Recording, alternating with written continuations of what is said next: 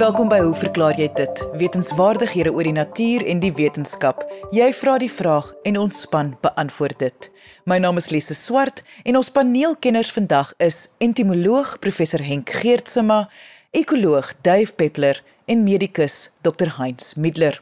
Onthou as jy 'n vraag het, stuur jou e-pos na lise, dit is L I S E by rsg.co.za. Jy mag onder 'n skuilnaam skryf of vra om anoniem te bly. Ons eerste vraag van die dag word gevra deur Spoor van Rensburg van Aliwal Noord en beantwoord deur entomoloog professor Henk Geertsma. Spoor vra: Kan julle 'n bietjie meer vertel oor die onlangse sprinkaanplaag in ons geweste? Professor Geertsma Dag sê Elise en luisteraars. Na lang afwesigheid sê ek weer terug na die nuwe normaal. Nou onlangs se persberigte uit die Noord-Kaap omgewing het skrikwekkende beelde van groot getalle sprinkaanswerms in die lug en op die grond wat nie net alle plante gedood voorkom kaalvreet nie, maar ook vir motoriste op paaie besaai met doodgetrapte sprinkane en hulle pas op ons moet wees om nie te gly en in ongelukke betrokke te raak nie. Ander desgelyke voorvalle kom gereeld voor in Namibië, waar koringkrieke soortgelyke swerms vorm wat baie moeilik begaanbaar maak, selfs vir lokomotiewe wat gly op die spoorbane. Nou, die sprinkane self. Eerstens moet ons onderskei tussen die langhoring en korthoring sprinkane. Laasgenoemde weer in gewone sprinkane, soos wat mense in die veld, landerye en tuine opmerk, die treksprinkane en dan die stinksprinkane. Nou die stinksprinkane kom ook in kleiner swerms voor, maar skep geen probleem nie aangesien hulle op die giftige melkbos soorte voorkom en glad nie op groentegewasse nie. Gewone sprinkane se getalle bly redelik beperk en alhoewel hulle ook skade kan berokken aan kommersiële gewasse en in 'n paar tuinplante, kom hulle skade in voorkoms nie naby die van treksprinkane nie.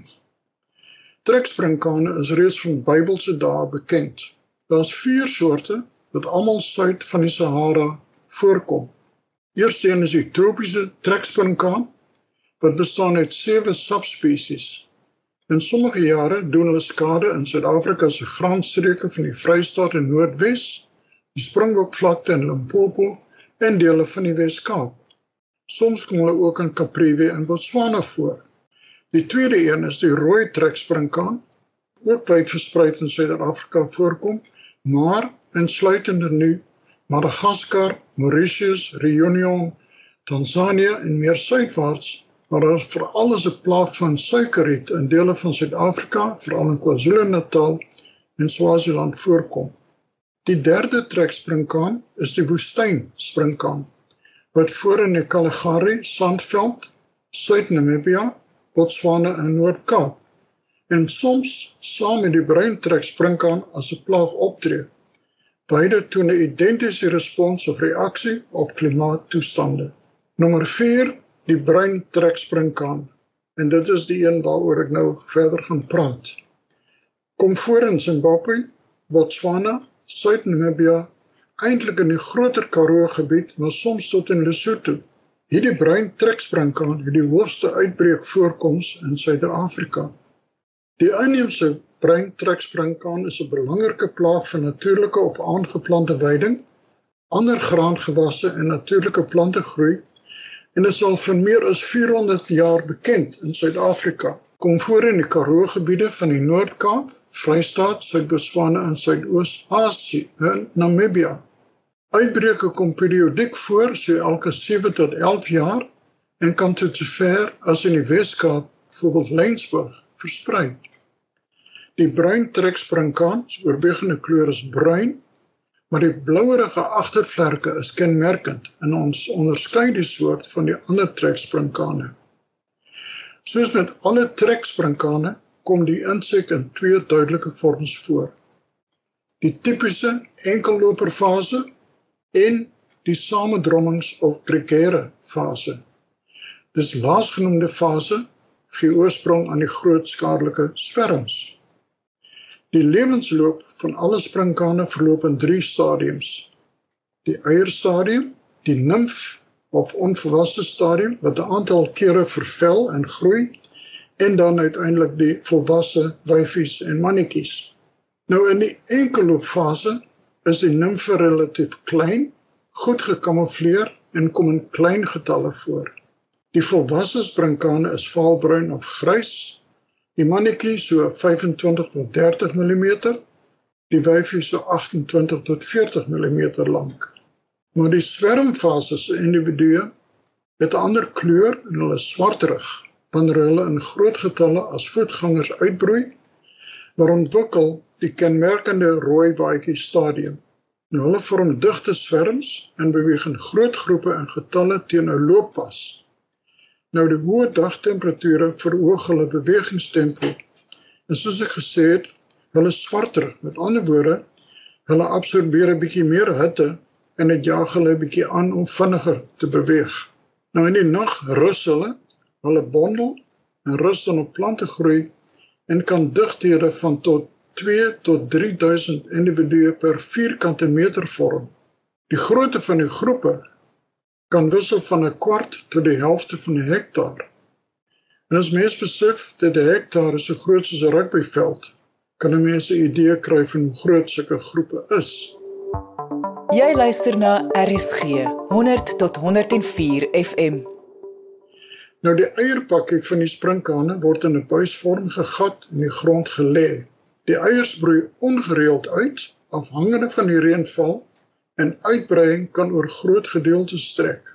Met ander woorde, dieselfde eierpakkie kan oorsprong gee aan die enkelloopfase sprinkane, maar ook aan die swermfase.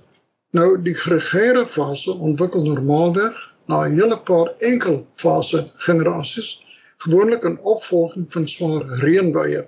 Die gregare volwasse bruin treksprinkaan is groter. Die mannetjie is 41 tot 45 mm lank, die wyfie 40 tot 50 mm. En ons is nou bruin gekleurd met swart merke op die voorvlerke. Hulle vorm swerms wat dan gewoonlik wind af en kan tot 100 km per dag versprei.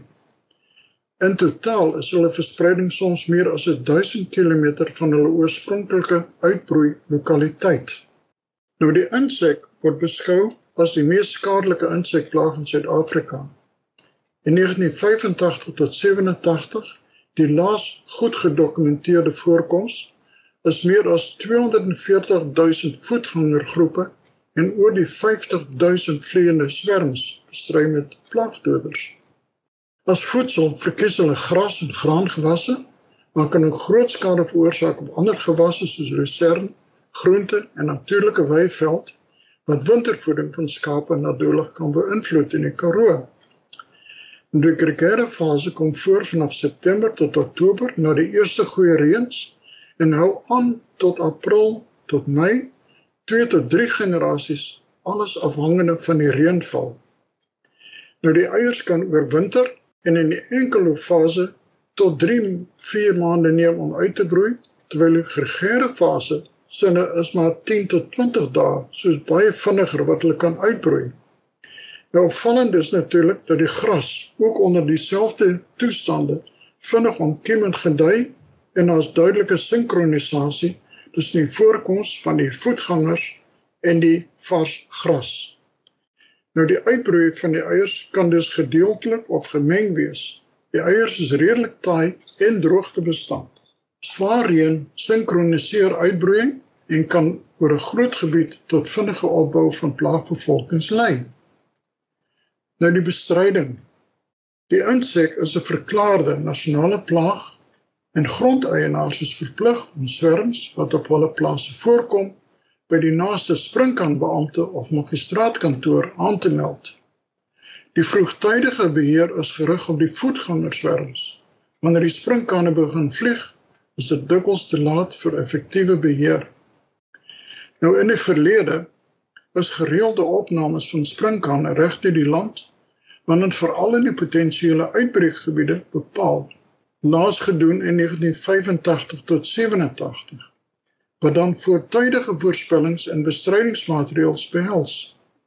Die sprinkaan-probleem se oplossing lê dus nie in die latere bestryding nie, maar eerder by die vroeë opsporing van voetgangerswerms. Nou natuurlik 'n groot nadeel van die bestryding van die sprinkane of vir nou voetgangers is of vleiende swerms is die uitwerking van plaagdoders op die algemene dierlewe. Baie van die diere, insluitende ander insekte, is natuurlike vyande van sprinkane en dra natuurlik by tot die biodiversiteit van die omgewing. Ek wil net herhaal dat in die verlede is daar gereelde opnames gedoen van watter fases van hierdie bruin treksprinkaan voorkom in die potensiële gebiede. Maar ongelukkig het hierdie kontrolesisteem uh as gevolg van nuwere omstandighede uh 'n bietjie verval en dit is hoekom ons sit met hierdie paniek aanvalle wanneer die swerms verskyn wat vlieg en dan is dit te laat. Baie dankie spoor van Rensburg vir die interessante vraag en ek hoop dit het die luisteraars 'n duideliker beeld gegee van hierdie probleem insek. En dit was entomoloog professor Henk Geertsema. Indien jy 'n vraag het, stuur jou e-pos na lise@rsg.co.za of deur RSG se webwerf gaan net na rsg.co.za. Onthou jy mag onder 'n skuilnaam skryf of vra om anoniem te bly.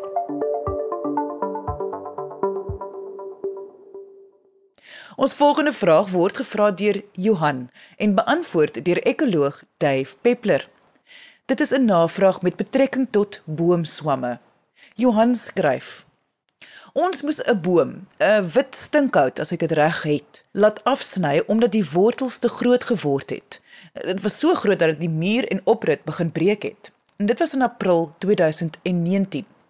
Ek sou graag wil weet wat se spesies swamme daarop groei en dan wat aktiveer die swamme Of is dit dalk maar dormant in die boom totdat omstandighede gunstig is om te ontwikkel, soos byvoorbeeld in die geval dat dit afgesny is, nie meer blare het vir fotosintese nie, ensovoorts ensovoorts. Met ander woorde, die groei of lewe proses is gestuit. Nou, die foto's wat Johan aangestuur het oor die afgekapte boom en die swamme is beskikbaar om te gaan kyk na op RSG se webwerf, gaan dit na rsg.co.za. So, Dave, vertel asseblief vir ons meer hieroor.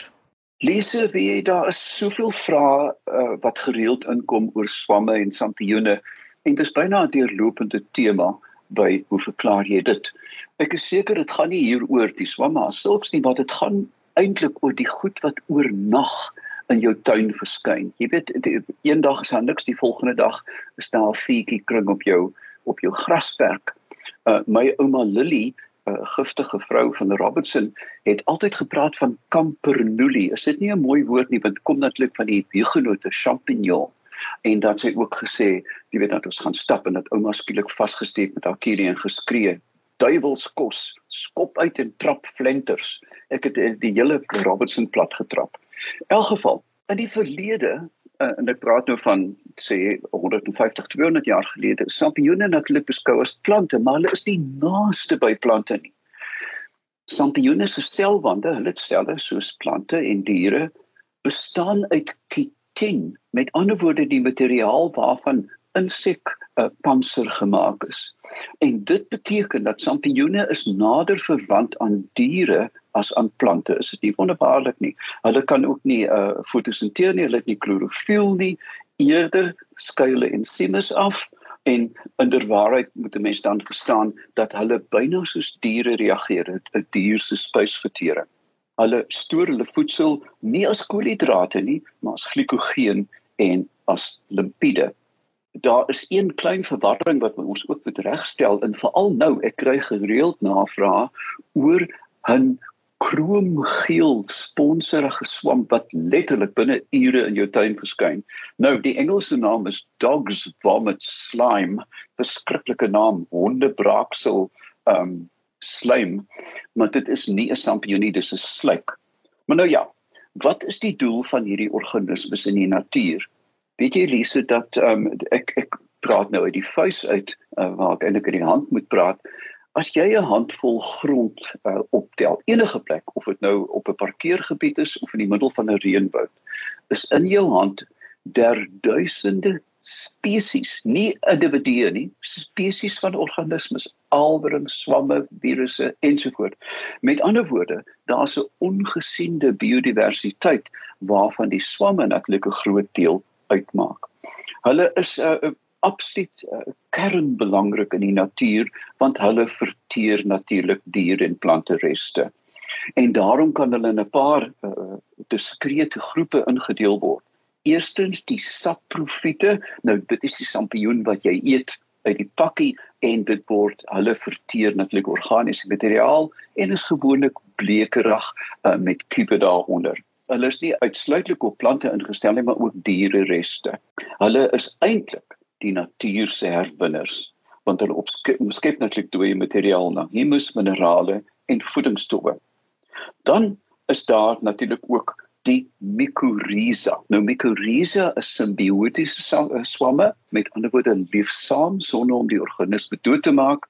En 'n mens weet nou dat byna alle plante op aarde het 'n baie unieke gekoppelde mycorrhiza en dit beteken dat die beide plante voordeel trek die mycorrhiza swam sit op die wortels van die plant is 'n blyplek en die plant kry die voedingsstowwe. Ek onthou jare gelede het Dr. Kobus Tron sy PhD gedoen oor die mycorrhiza van dennebome, jy weet in produksiesisteme en waar jy dan die klein plantjies inent is die finale produk in die orde van 30 of 40% hoër as plante wat nie die swam op die wortels het nie. En dan is daar natuurlik ook parasitiese fungi. Nou hulle val lewende organismes aan en ons in Stellenbosch weet al te goed, jy weet in 'n klam jaar is al die eikebome oorgetrek met hierdie donsige skimmel en hulle val ook insekte aan. Daar's baie van hierdie swamme wat sprinkane byvoorbeeld aanval en hulle kan gebruik word in biologiese beheer. In die mens natuurlik, die aaklige voetvrot, jy weet skimmel van die voet, infeksies onder die naels en omlope is almal swamme wat die menslike liggaam aanval. Daar is ook netlik ander assosiasies soos by ligene, korsmos, daai pragtige Afrikaanse woord. Dit en dit is 'n simbiotiese verhouding tussen 'n swam wat kombineer met 'n alge of 'n bakterie. Die een klou aan die klip vas en die ander een maak kos, met ander woorde fotosinteer. Dan is daar ook baie baie hoog gespesialiseerde swamme wat um, in samewerking met termiete in die termitorium ondergrond in die termiethuis dra grasdraer termiete uh, hulle bondeltjies na broeikamers waar die swamme dan inokuleer en dan eet hulle sampioene hulle eet nie die gras nie so jy weet daar's 'n verborgde pragtige assosiasie met swamme wat ons nie aldag kan sien nie En dan natuurlik uh, hierdie swamme wat netlik onder die grond groei, het 'n dubbele uh, die Engelse praat van 'n double whammy, want baie keer groei daar natuurlik eetbare sampioene uit die muurshoop uh en dit staan bekend in die Karoo as die slangkop. Nou ja, Johan, na hierdie uh, lang asem inleiding, kom ons nou na jou vraag wat jy mee te doen het is duidelik 'n saprofiet. Met ander woorde hierdie swam het die stomp gepak nadat die boom dood is. Daar is soortgelyke rakswamme wat lewendige bome aanpak en teen die tyd wanneer daai rakswam verskyn moet jy weet dis kubai met die boom want die kern is sekerlik reeds vrot Nou ek kan nie op die spesies uitkom nie. Jy weet dit is 'n baie baie moeilike onderwerp uh swamme en dit is baie baie gespesialiseer. Jy vra ook dat jy nie verwysing kry nie. Ek moet net noem dat uh, daar is 'n wonderbaarlike redelike nuwe boek op die mark Field Guide to the Mushrooms and Other Fungi of South Africa van Goldman en Greisenhout en dit word deur Struik gepubliseer. En dit is 'n pragtige gids. En volgens die gids dink ek dat jou swam is heel moontlik die klontige rakswam, maar ek is hier op dun ys moet dit nie vir die vir die waarheid aanvaar nie. Die aktivering van die swam in jou tuin is bloot lukraak. Die swam het nie daar sit en wag vir die boom om dood te gaan nie, maar spore, die die uh, voortplanting organe van die swamme dwarrel rond in die lug en het per toeval dan geval op hierdie stomp. Daar is twee strategieë in die algemeen vir diere om voort te plant, diere en plante organismes. Daar's die erg geselekteerde en hierdie swam is duidelik 'n erg geselekteerde. Hulle maak der duisende, honderde, miljoene sade met die hoop dat een, net een sal oorleef. en die die organisme dis voorplant. In teenstelling met die K-geselekteerde, ons mense is K-geselekteer ons walvisse, gorillas, ons het een aardige kind wat dit 20 jaar neem om hierdie monster groot te kry. Jy weet en jou beursie is plat. Um maar swaar belegging in een teenoor 'n ongelooflike saad na die wind gooi. Johan, hierdie stomp is 'n uiterlike wonderwerk want reg voor jou oë speel een van die groot groot gebeurtenisse in die natuur wat materie wat hard en ondeurdringbaar is omskep na 'n sagte, sponsige, voedselryke bron. En as 'n mens nou die ou spreekwoord moet aanhaal, reg voor jou weer eens is die een se dood, die ander se brood. Jy luister na RSG 100 tot 104 FM. En dit was ekoloog Duif Peppler.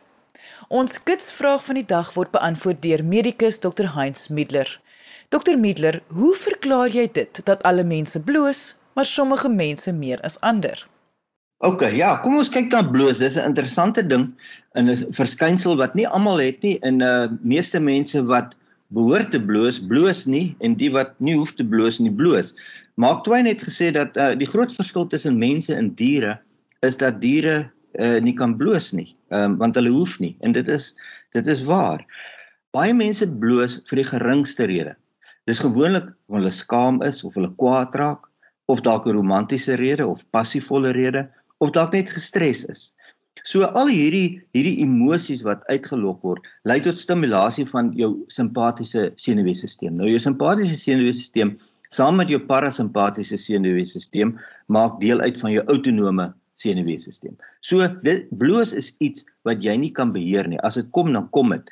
En stimulasie van die simpatiese senuweestelsel is deur byvoorbeeld adrenalien. Dit is die uh, neurooordragstof wat afgeskei word en dit verwyd jou bloedvate in genoem vasodilatasie.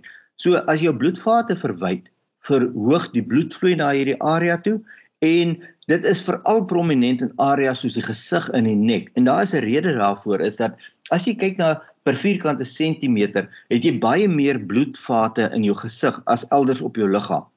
So daar's meer vate aanwesig, maar 'n ander rede is ook dat jou vate is baie meer oppervlakkig. As jy nou vasodilateerd raak en jy verhoogde bloedvloei, gaan jy dit dadelik deur die vel kan sien. In ander areas van die liggaam is daar minder vate en uh, dit is dieper geleë, so jy bloos dan nou nie daar nie, alhoewel jy ook vasodilatasie kry. So nou die vraag is, almal bloos. Hoe ligter jou vel is, hoe makliker gaan jy dit sien, want dit is net meer sigbaar. Hoe donkerder jy is, as jy blas is, gaan jy baie minder die blos op die wange sien en as jy 'n swart vel het, gaan jy nog altyd bloos, maar jy gaan dit nie sien nie want die melanien in jou epidermis is 'n skans teen daardie rooi skynsel. Maar jy kan nog altyd aan die vel voel en dan gaan jy daai warm gloed voel, dan weet jy daardie persoon bloos. Nou tot 'n mate alhoewel dit deel is van jou autonome senuweestelsel, kan jy verhoed dat hierdie stimulasie plaasvind wanneer jy uh, hulp kry daarvoor en laat jy lees hoe om leer hoe om hierdie simpatiese respons te onderdruk sodat jy nie kwaad raak nie en laat jy nie gestres voel nie. Um, en jy jy leer hierdie uh gewoontes aan hoe om dit te beheer en dan onderdruk jy tot 'n groot mate hierdie respons en dan kan jy hoef jy nie te bloos wanneer jy wil nie En dit was medikus Dr Heinz Middler. Indien jy 'n vraag het, stuur jou e-pos na lise@rsg.co.za of deur RSG se webwerf by rsg.co.za. Jy mag onder 'n skuilnaam skryf of vra om anoniem te bly. Ek sê baie dankie aan ons kenners en vraagstellers vandag. Onthou om altyd nuuskierig te bly en vra te vra. Tot volgende week net hier op RSG saam met my Lise Swart. Totsiens.